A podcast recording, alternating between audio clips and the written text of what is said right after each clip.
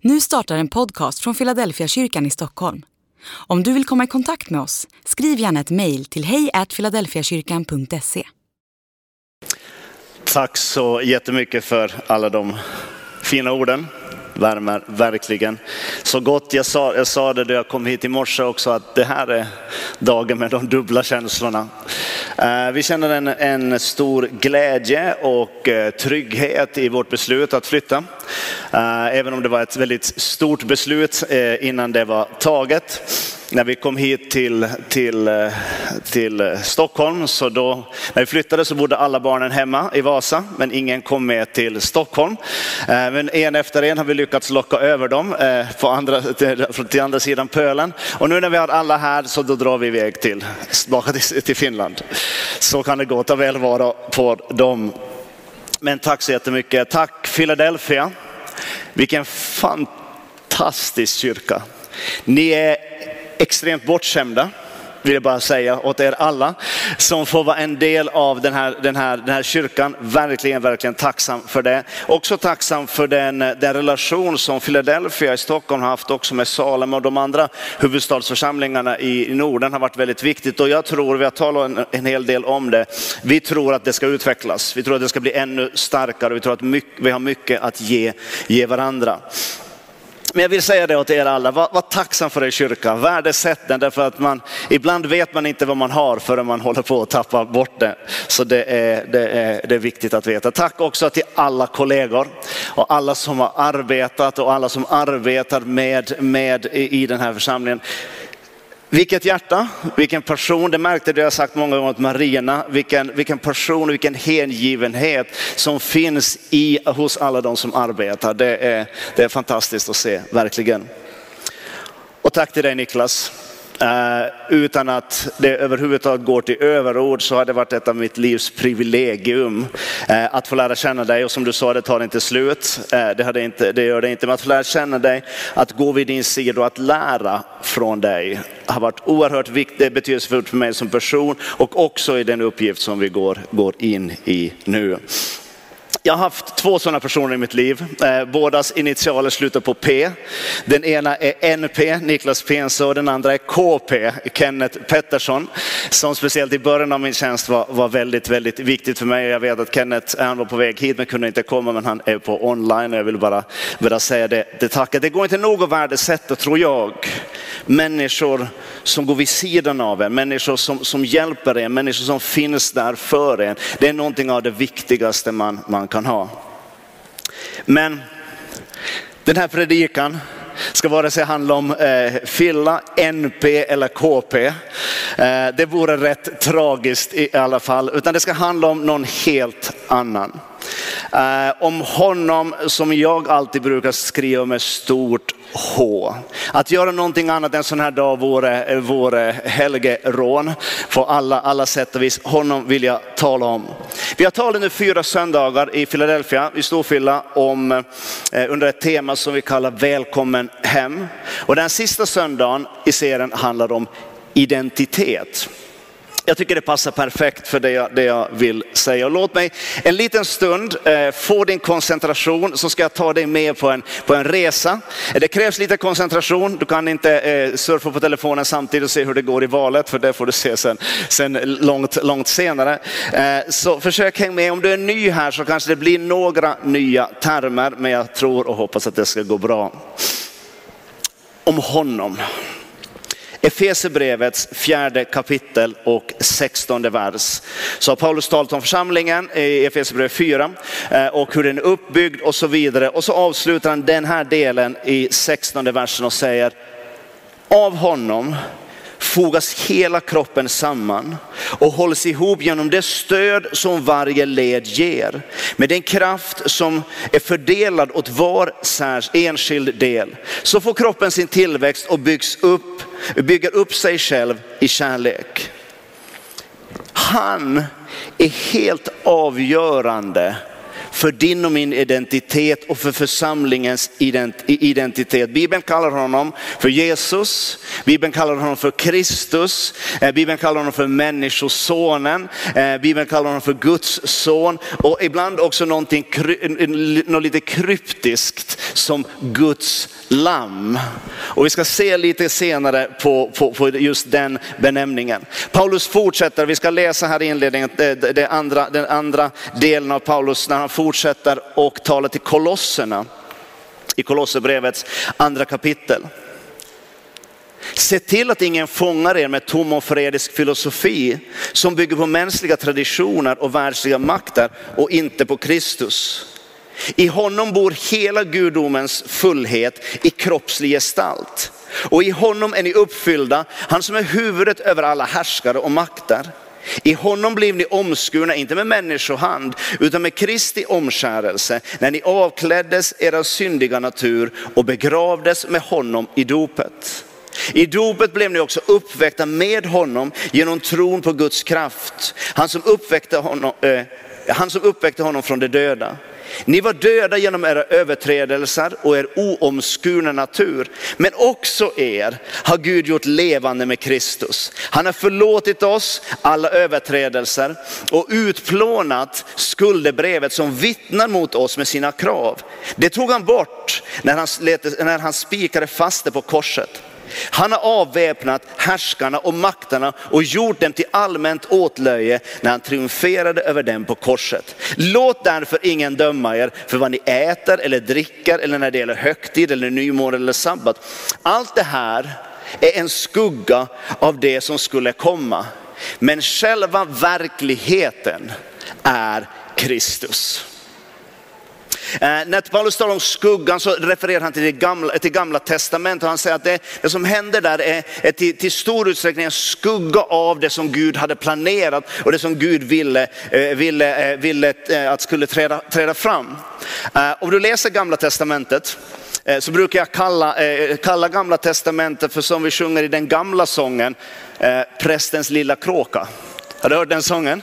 Eh, om du läser gamla testamentet så är det en stor igenkänningsfaktor i den sången när det står prästens lilla kråka som skulle ut och åka. En slank det hit och en slank det dit och en slank det ner i diket. Det är sammanfattningen av gamla, av, av gamla testamentet på ett väldigt starkt sätt.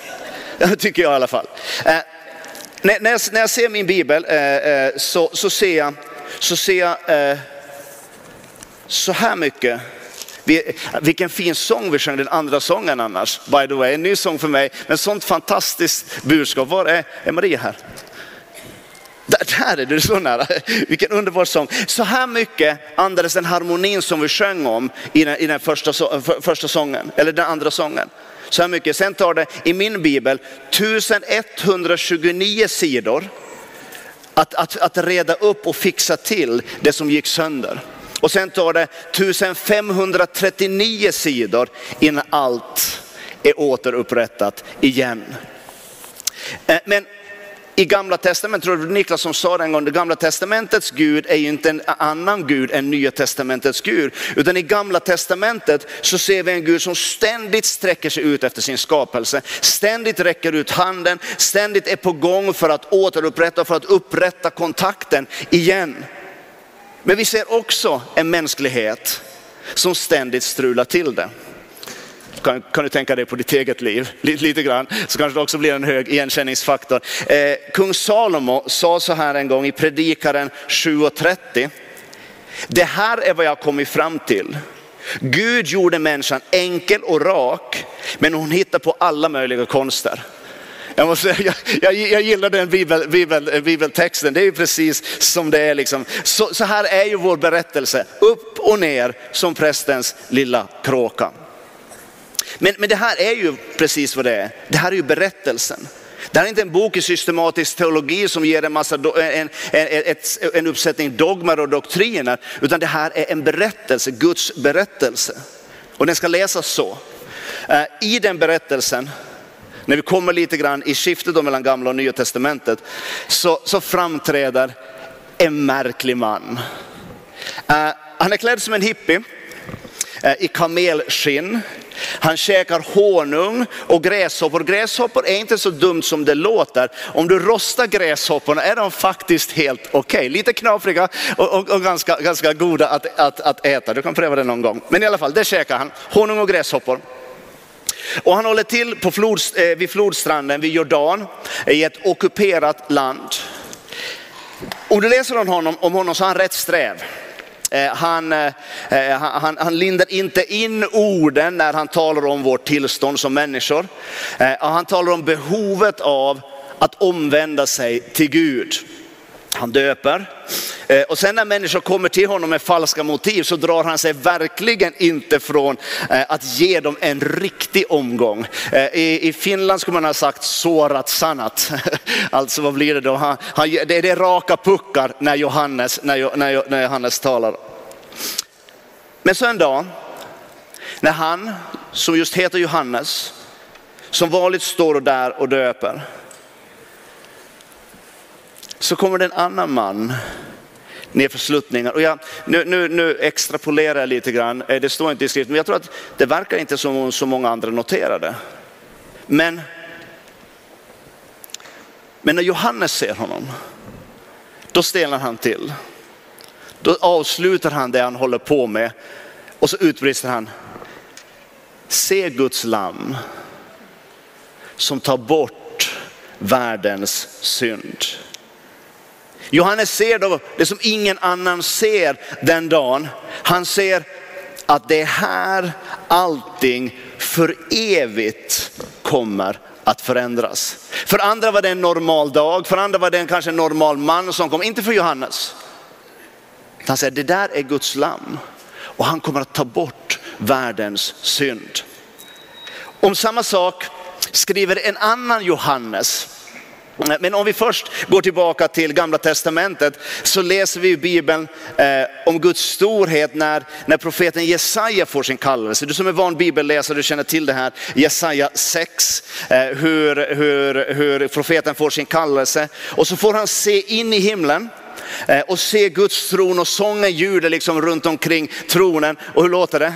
Helig, helig, helig är Herren Gud. Han som var, Eh, vi ska, vi ska läsa innantill, Jesaja 6 och 3. Helig, helig är Herren Sebaot. Hela jorden är full av hans härlighet. Men när Jesaja ser det där så känner han ju sin egen otillräcklighet. Alltså, ah, ah, ve mig, jag går under, jag förgås. Han ser det här, han ser den här, får vittna om den här lovsången uh, ungefär om man eh, litar på Encyclopedia Britannica så är det 739, det är det år då kung Ussia dör. Eh, en av Israels kungar dör 739 eh, före Kristus. Så går vi 830 år fram i historien. Då möter vi en annan man, den andra Johannes. Han är trött, han är, han är landsförvisad på en ö, till en ö, ön Patmos. Kanske, nu står det inte där, men kanske till och med nära att ge upp. Kanske funderar om att det, det blev inte riktigt som jag hade tänkt.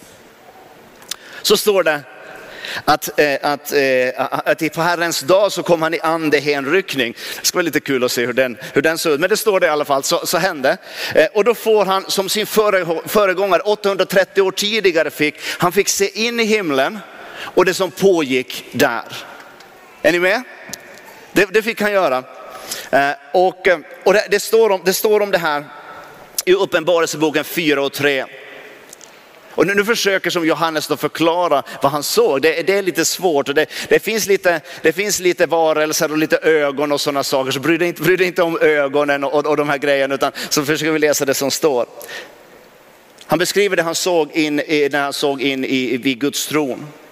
Han som satt där, Uppenbarelseboken 4 och 3 liknar en ädelsten som, som jaspis och som karneol. Och runt omkring tronen fanns en regnbåge eh, som liknade smaragd. Runt omkring tronen stod 24 troner och på tronen satt 24 äldste klädda i vita kläder med kronor av guld på huvudet. Och och från tronen kom blixtar och dån och åska och framför tronen brann sju, eh, sju facklor som är Guds sju andar. Försök inte reda ut de här sju andarna vid det här tillfället, okej? Okay? Utan vi läser vidare. Framför tronen låg liksom ett hav av glas som av kristall mitt för tronen och runt omkring den stod fyra varelser som hade fullt med ögon fram till och bak till. Den första liknade ett lejon, den andra en ung tjur, den eh, tredje hade ett ansikte som en människa och den fjärde liknade en flygande örn. Det måste ha varit svårt att skriva ner det man försökte, försökte se där. Var och en av de fyra varelserna hade sex vingar fulla med ögon runt omkring på, in, på in, om och på insidan. Och dag och natt säger det, här kommer det då vad de säger. De säger helig, helig är Herren Gud, den allsmäktige, han som var och han som är och han som kommer. Och när varelsen som prisar och är och tackar honom som sitter på tronen som lever i evigheternas evigheter, då faller de 24 äldste ner inför honom som sitter på tronen och tillber honom som lever i evigheternas evighet. De lägger ner sina kronor inför tronen och säger, värdig är du vår skap, vår Herre och Gud att ta emot lov, ära och makt. För du har skapat allt och genom din vilja kom det och blev skapat. 830 år hade gått mellan de här två tillfällena och samma sång. Ja, vi blir lite less ibland när vi sjunger en sång liksom tre gånger. Men nu, nu måste vi byta sång. Liksom. 830 år, samma sång. Helig, helig är Herren Gud. Man borde kunna noterna utan till och eller hur? Det gick, det gick bra nu också, det, det, det, det är inte det jag säger. Men man borde, då, då kan man det utan till tror jag. Vilken grej, tänk om, vi hade, om man hade fått vara med om det här. Men det verkar inte hjälpa. För Johannes får samma reaktion som Jesaja hade, där det står i Uppenbarelseboken 5 och 1. Och jag såg i högra handen på honom som satt på tronen en bokrulle med skrift både insidan och utsidan förseglad med sju sigill. Och jag såg en väldig ängel som ropade med stark röst. Vem är värdig att öppna bokrullen och bryta dess sigill? Men ingen i himlen eller på jorden eller under jorden kunde öppna bokrullen och se in i den. Och jag grät bittert över att det inte fanns någon som var värdig att öppna bokrullen eller se in i den. Det är nu det händer. Det är nu det händer. Nu ser denna Johannes, den den förra Johannes också såg. Och det är den förra Johannes artikulerade och uttryckte. Uppenbarelseboken 5a. Och jag såg i, mitt, i mitten mellan tronen och de fyra varelserna det, och det äldste stod ett lamm som såg ut som det hade blivit slaktat. Det är nu det händer. Det är här som, som sången Prästens lilla kråka faktiskt skulle kunna få ett slut. Det är här den förlorade identiteten kan bli återfunnen. Och vad är reaktionen när man ser när, när, när det här som kallas då Guds lam, det som är Jesus Kristus, när han kommer fram inför tronen. Vad är reaktionen i himlen på det här? I Uppenbarelseboken 5 och 9. De sjöng en ny sång. Du är värdig att ta bokrullen och bryta dess sigill. What? Läste ni, eh, eh, såg ni vad vi, vad vi läste? De sjöng en ny sång. De hade från evighet, åtminstone om vi kan utgå från vad vi har läst so far, sjungit helig, helig, helig är Sebot. Det kan hända att de återkommer till den sången, det, det, är helt möjligt. Men här står det faktiskt, det, vi läser ju det i Bibeln så vi, vi, vi tror det. De sjöng en ny sång. Tänk dig, tänk dig Maria, att, vara, att leda lovsång med det gänget. Du har ett fantastiskt gäng här, eller hur? Vi har så fantastiska sångare och musiker här i församlingen. Men tänk att få leda lovsång med det gänget. Uh, samma sång. Men jag tror inte de gjorde det blasé, jag tror inte de gjorde det eh, liksom bara, bara slentrian. Jag tror de gjorde det eh, med, med, med, stor entusiasm. Men så går ryktet. Ni vet ju hur musiker och sångare är. De kan vara lite så här hispiga ibland. Så går ryktet. Nu ska vi sjunga en ny sång. Va? Frågan kommer, har vi noterna? Hur går stämmorna? Hinner vi öva? What? Hur ska, hur ska det här gå? Men det gjorde de i alla fall. De sjöng en ny sång. Och inte bara en ny sång. Alltså läs Uppenbarelseboken 5. Det här, det, här är, det här är fantastisk text. Och som sagt lite rekommendationer, glöm bort de här ögonen och de här grejerna. Fastna inte på, fastna inte på dem, utan läs vad det står. Det står faktiskt att det blir också ett fokusskifte. Han som sitter på tronen, det är så det, är så det har låtit hela tiden. Han som sitter på tronen. Det är ju en av eh, eh judendomens eh, första bekännelser. Herren är Gud, Herren är en. Det är honom du ska tillbe, allt annat är, är, är helt, helt förkastligt. Och så är det, eh, därför att vi tror att Gud är treenig. Men i alla fall, i Uppenbarelseboken 5 och 13, när det här sker, så står det, och allt skapat i himmelen, på jorden och under jorden och på havet och allt som finns i dem hörde jag det säga, honom som sitter på tronen komma. det är ju i alla fall en pingstförsamling, man kan ju säga, uh, kan man nästan, nästan säga när man, när man läser den här texten. Honom som sitter på tronen, allt som vanligt, men så står det komma, honom och lammet till lovsången, äran och härligheten och makten i evigheternas evighet. Så stor är Guds omsorg om dig.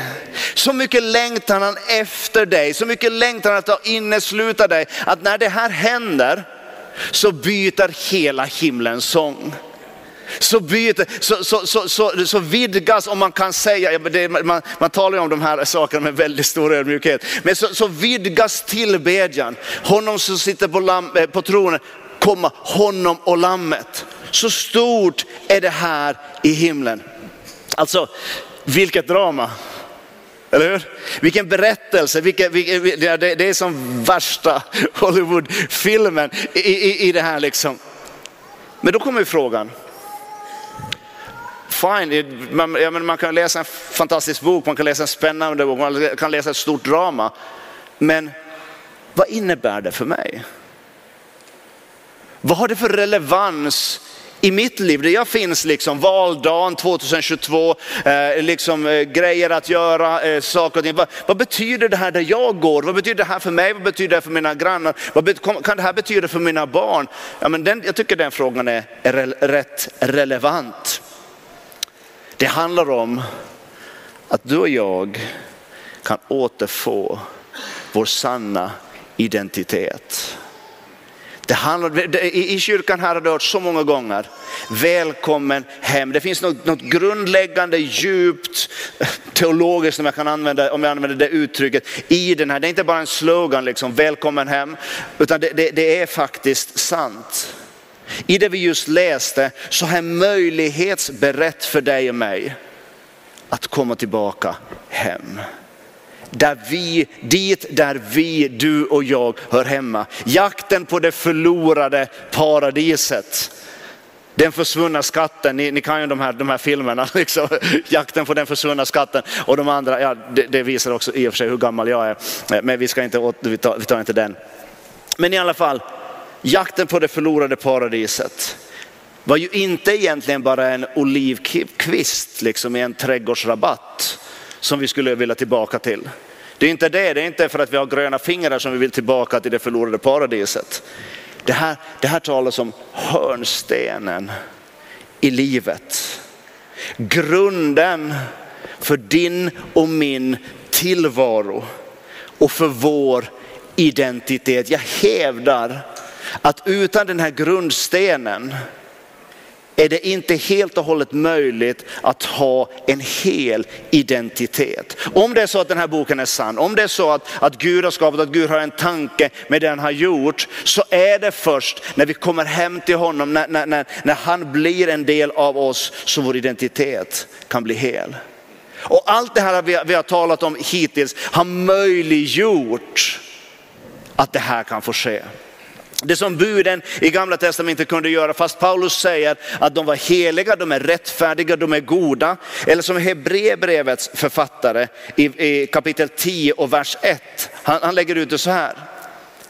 Lagen ger en skuggbild av det goda som kommer men inte tingens, tingen i deras verkliga gestalt. Därför kan aldrig lagen genom samma offer som ständigt frambärs år efter år fullkomna dem som träder fram, alltså dig och mig. Okej? Okay? Buden, om vi, eh, eh, eh, om vi smalar av till dem, buden berättar för oss vad vi ska göra. Men de ger oss inte kraft att göra dem. Hur många, hur många eh, eh, av oss är inte de som vet vad vi ska göra, men vi har inte riktigt kraft att göra det. Vi vet vad som är rätt, vi vet vad vi borde göra, vi vet hur vi borde leva med våra respektive, vi vet hur vi borde sköta våra relationer, våra kroppar, eh, eh, vår ekonomi runt omkring. Men vi har inte riktigt kraft till att göra det. Då, då hjälper det inte en kristen tro som ytterligare berättar för dig vad du borde göra. Eller hur? De flesta människor jag träffar, de vet ganska mycket, ganska väl vad de borde göra. Men det hjälper inte dem. Lagen, buden är sån, berätta för oss vad vi ska göra, men ger oss inte kraft till att göra det. Det här vore utrymme för ett väldigt långt bibelstudie. Det ska inte bli för jag har fyra minuter kvar. Så det, ska, det, det kommer, det inte, det kommer inte att göra. Vi ska bara läsa andra Korinthierbrevet, du får läsa mera själv. Andra Korinthierbrevet 5 och 19 så hittar du Guds nyckel, eller den hemlighet som Paulus talar om i det här. Där han säger, Gud var i Kristus och försonade världen med sig själv. Det här är en kullerbytta av, av stora mått. Liksom. Från att Gud har sträckt ut sin hand till oss och Gud har varit trofast och vi har misslyckats, till att nu är det bara Gud i hela bilden. Gud var i Kristus och försonade världen med sig själv.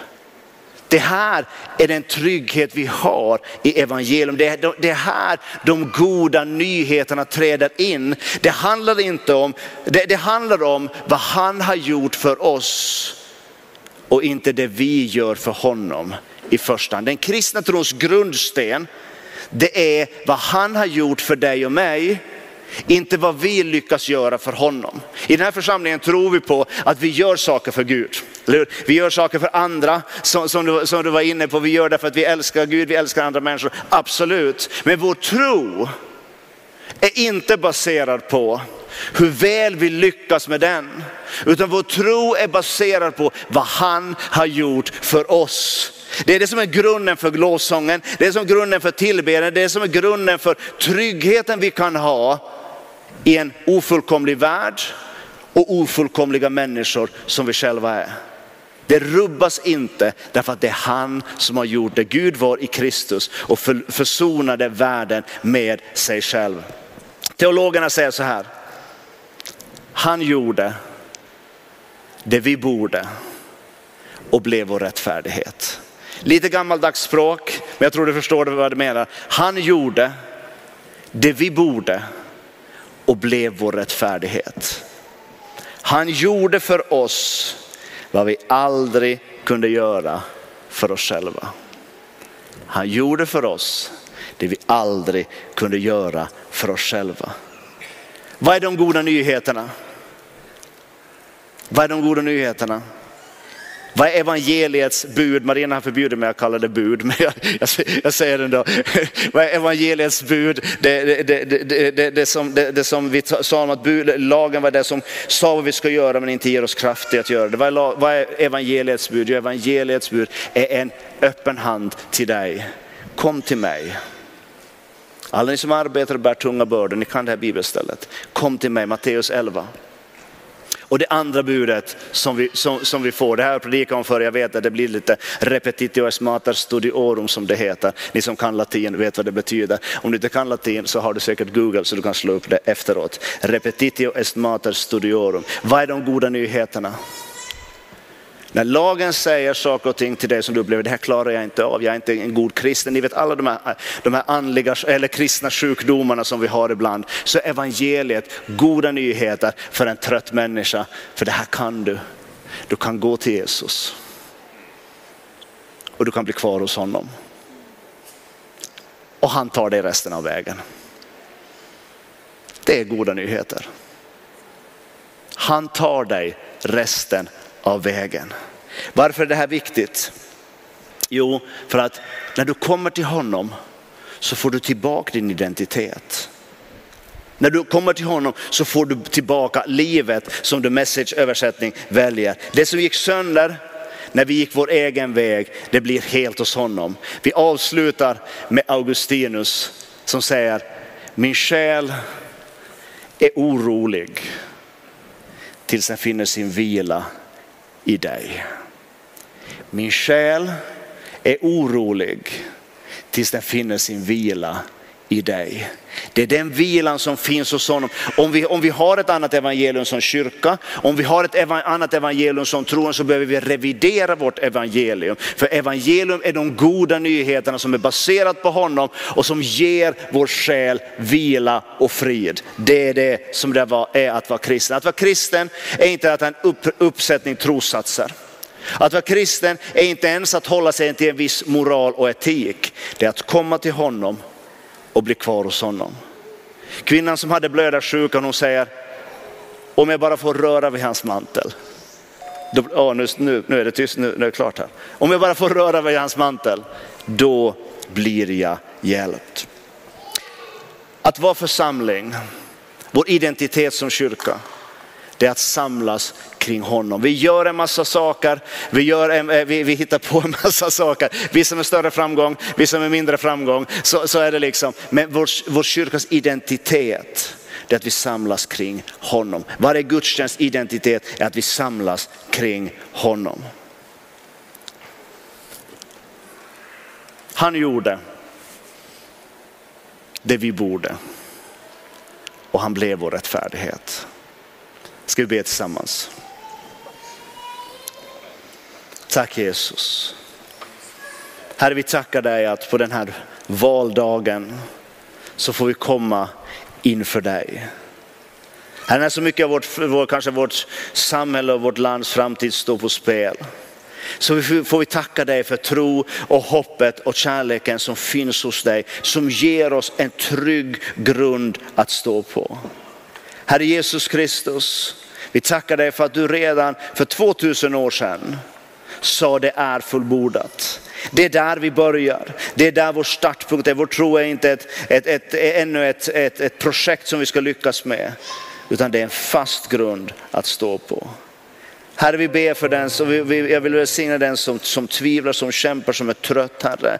Herre låt evangelium få bli goda nyheter. Om vad du har gjort, om vad du gör om vad du fortsättningsvis kommer att göra. Herre, jag vill säga som Paulus att jag är viss om att han som har börjat ett gott verk i alla av oss, han kommer också fullborda det intill Jesu Kristi dag. I den tryggheten lämnar vi vårt liv. I den tryggheten lever vi Herre som enskild och som kyrka. Tack för vad du har gjort för oss. I Jesu namn. Amen.